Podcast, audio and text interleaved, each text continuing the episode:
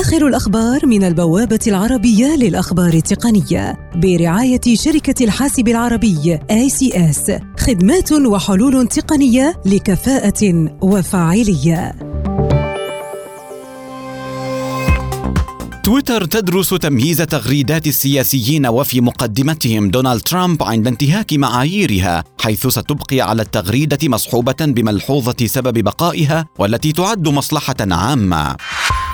فيسبوك تواجه تهمة انتهاك قانون الإسكان العادل في الولايات المتحدة بزعم أن إعلانات الشركات البائعة تميز على أساس العرق واللون ضد مشتري المنازل وفق وزارة الإسكان والتنمية الحضرية الأمريكية. مايكروسوفت تعلن حصولها على أمر قضائي يمنحها السيطرة على 99 موقعا الكترونيا استخدمتها مجموعة قرصنة إيرانية لمحاولة سرقة معلومات حساسة في الولايات المتحدة أبل تصدر النسخة 5.2 من نظامها لتشغيل الأجهزة القابلة للارتداء watchOS لأصحاب ساعتها الذكية Apple Watch الذي وسع نطاق دعمها لميزة تخطيط القلب المتوفرة في الجيل الرابع من ساعتها الذكية لتشمل 20 دولة أخرى.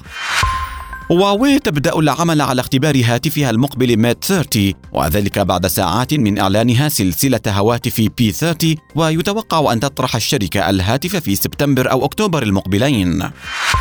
مسؤولون أمنيون يحذرون من أن هواوي تمثل خطرا على الأمن القومي البريطاني كون الشركة لم تحرز تقدما بشأن المشكلات الأمنية المثارة مؤخرا وفق تقرير للسلطات البريطانية.